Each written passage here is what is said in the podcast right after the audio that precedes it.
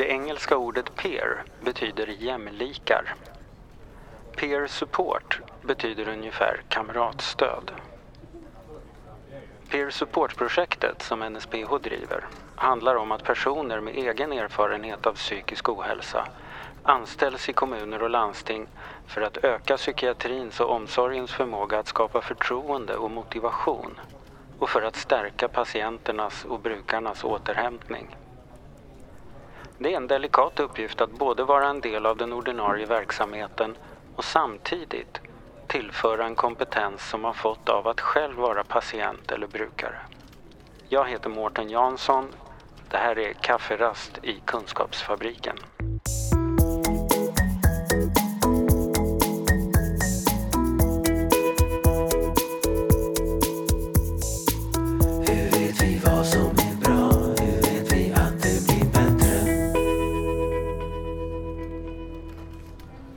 Kafferast i Kunskapsfabriken. Fabriken i Göteborg. Eh, Katarina Kjell, Tack så mycket. eh, du är utbildningsansvarig i peer support-satsningen här i Göteborg. Det stämmer. Mm. stämmer. Eh, och ni har hållit på sedan i höstas eller våras eller? Eh, själva projektstarten började i höstas. Men det har ju varit en hel del förarbete innan. Och det kan man väl säga att det var just här i Göteborg det var väldigt mycket förarbete. Så att Göteborg är också den, är den stad man har kommit längst kan man väl säga jämfört med de andra. Precis. Vi har ju varit i både Nya Zeeland och Nottingham, England och tittat på hur de arbetar med peer support eh, Mm. i dessa länder. Så att eh, mycket av den svenska peer support-satsningen har eh, precis som fotbollen ju faktiskt spirat från Göteborg. ja. Ehm, vad gör man som utbildningsansvarig?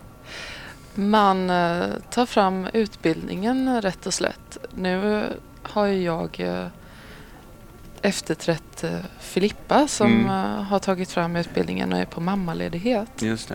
Så att eh, i detta skedet så tittar vi mera på vad har vi fått för respons på utbildningen? Mm. Vad, vad har de upplevt att de skulle behöva mer av? Vad skulle behöva förändras? Vi har fokuserat eh, en hel del på vad peer supportens arbetsuppgifter är. Vad de ska och vad de inte ska göra. Mm. Dessa arbetsuppgifter är ju ingenting som vi har skrivit i sten utan det utvecklas ju efterhand också när man är ute på verksamheten och ser vilka behov som finns. Mm. Så har vi gått igenom eh, mycket bemötandesätt. eh, Hur bemöter man någon som eh, är, lider av psykisk ohälsa? Vad behöver man tänka på? Och är det också så att i Göteborg så jobbar de flesta peer supportrarna i psykiatrin? Ja, I, är det på heldygnsvården också? Eller? Precis. Just nu är det bara inom slutenvården. Mm. Vi har en person som jobbar inom öppenvården men det är Uddevalla. Men då är det också, då, då möter man ju patienter som mår ganska dåligt. Många som är på avdelningen är ju där under LPT och då blir ju bemötandet ännu viktigare. Just det. För att som peer supporter så kan du visserligen hävda att du har en egen erfarenhet men du är ju ändå en del av den vård som har tvingat patienten att vara här. Precis. Och hur bemöter man någon som absolut inte vill vara på den platsen som de är tvungna att vara på? Kafferast i Kunskapsfabriken. Vad är det mer på utbildningen som, som är viktiga hörnstenar tycker du? Vi har ju inte haft möjlighet att erbjuda någon praktik så då har vi Mm. tagit fram eh, olika rollspel faktiskt som Mhm. har varit väldigt, eh, väldigt nyttiga. Och där har vi byggt upp olika scenarion som förbereder peer-supporten på vad som skulle kunna möta dem ute i arbetet för att de just ska börja resonera kring hur de ska reagera, hur, hur de tänker och, Mm. och så vidare. Just det, så att man får man har innan man kommer ut i verkligheten hunnit vända och vrida på vad min roll kan skapa eller vara. Sedan så förutsätter inte vi att eh, det ska göra att de känner att de har en perfekt utvecklad eh, taktik som de ska ta till utan det- är mest för att väcka tankar, Mm. eh, förbereda så att det inte... Vi försöker så lite som möjligt ställa dem inför situationer där de känner sig helt ja, nya.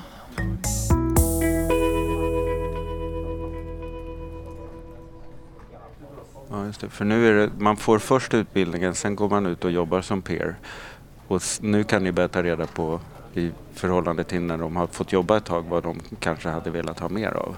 Eller? Precis, Ja. precis. Det är jättesvårt att uh, förutse vilka behov som, och vilka problem som kan uppstå med tanke på att eh, det här är ett pilotprojekt. Vi har Mm. ingen som har testat detta innan.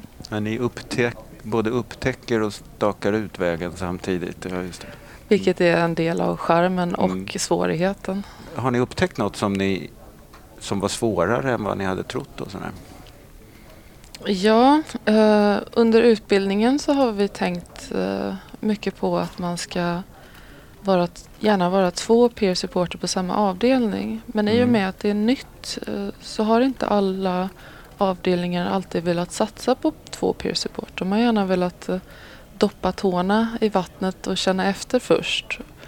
Och eh, då har eh, de som fått arbeta känt sig ensamma.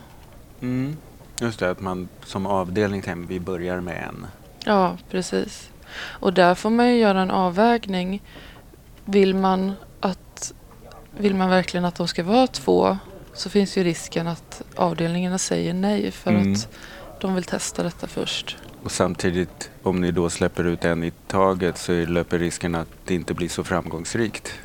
Ja, det blir ju en utmaning för Mm. peer-supporten. Mm. Men eh, det är ju inte bara negativt att vara själv på arbetsplatsen heller. Nej, vad finns det för fördelar?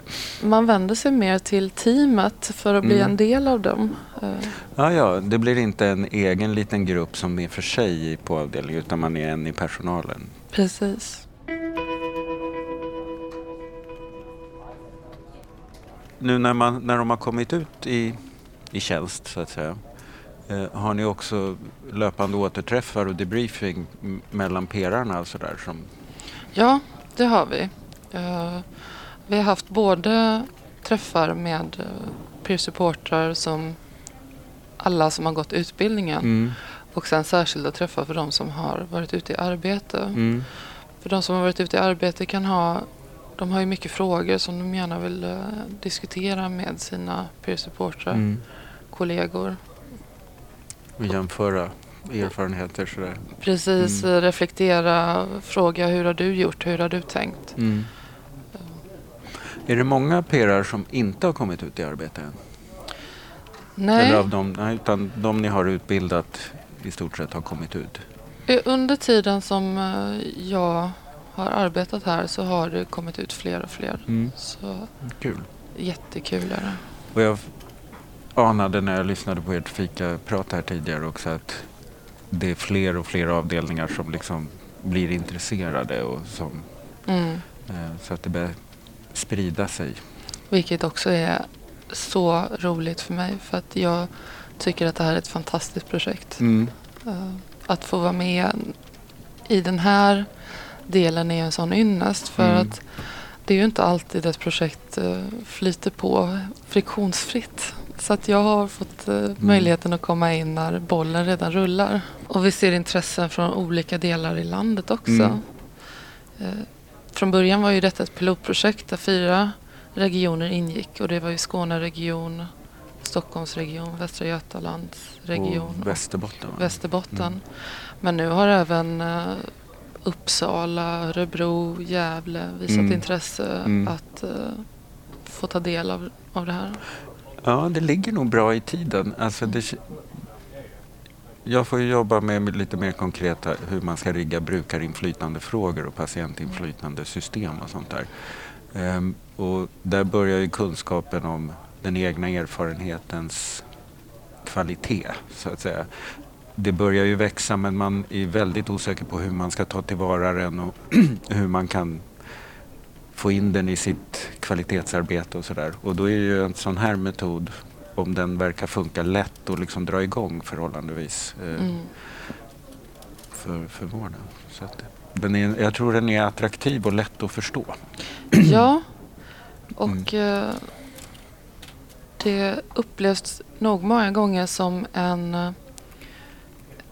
en perfekt lösning på det problemet de har. De behöver en hammare, vi har en hammare. Ja, det. Det, det passar så Mm. väl, väl in. Hur, hur tycker du att de beskriver det problem de har? Är, är- är det något de anar eller är det något de är, har hunnit formulera? Jag upplever det som att eh, de har hunnit formulera att det finns Mm. ett behov av att öka eh, brukar egenerfarna Mm. erfarenheter inom vården. Men som sagt, de vet inte riktigt hur. Nej. Och här har vi tagit fram en, en färdig lösning som man bara Mm. kan applicera. Och det är ju, ni står ju inte bara för hammaren, ni har ju både hammare och spik. Hur vet vi vad som är bra? Hur vet vi att det blir bättre? Nu har ni hållit på ett år i projektet. Ni ska hålla på i tre va? Ja, Mm. det är tanken. Hur, vad tror, hur, har du någon vision eller tanke om hur ser det ut om tre år? Eller om två år då, när projektet börjar närma sig sitt slut? Hur långt har ni kommit då?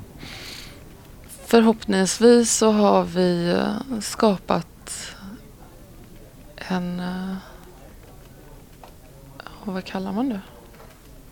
Ett center här där vi kan både erbjuda utbildning för utbildare, metodstöd och så vidare. Mm. Förhoppningsvis så redan nu kommer vi ju att börja utbilda utbildare så att de Just kan det, det har ni fått extra pengar för under nästa år. Precis, Ja. så att de kan eh, utbilda sina peer supportrar. Mm. Att eh, regionerna ska kunna vara självgående. Är det ett sätt att möta det här ökade intresset från fler regioner än de som från början var tänkt? Ja, Ja, gud vad häftigt.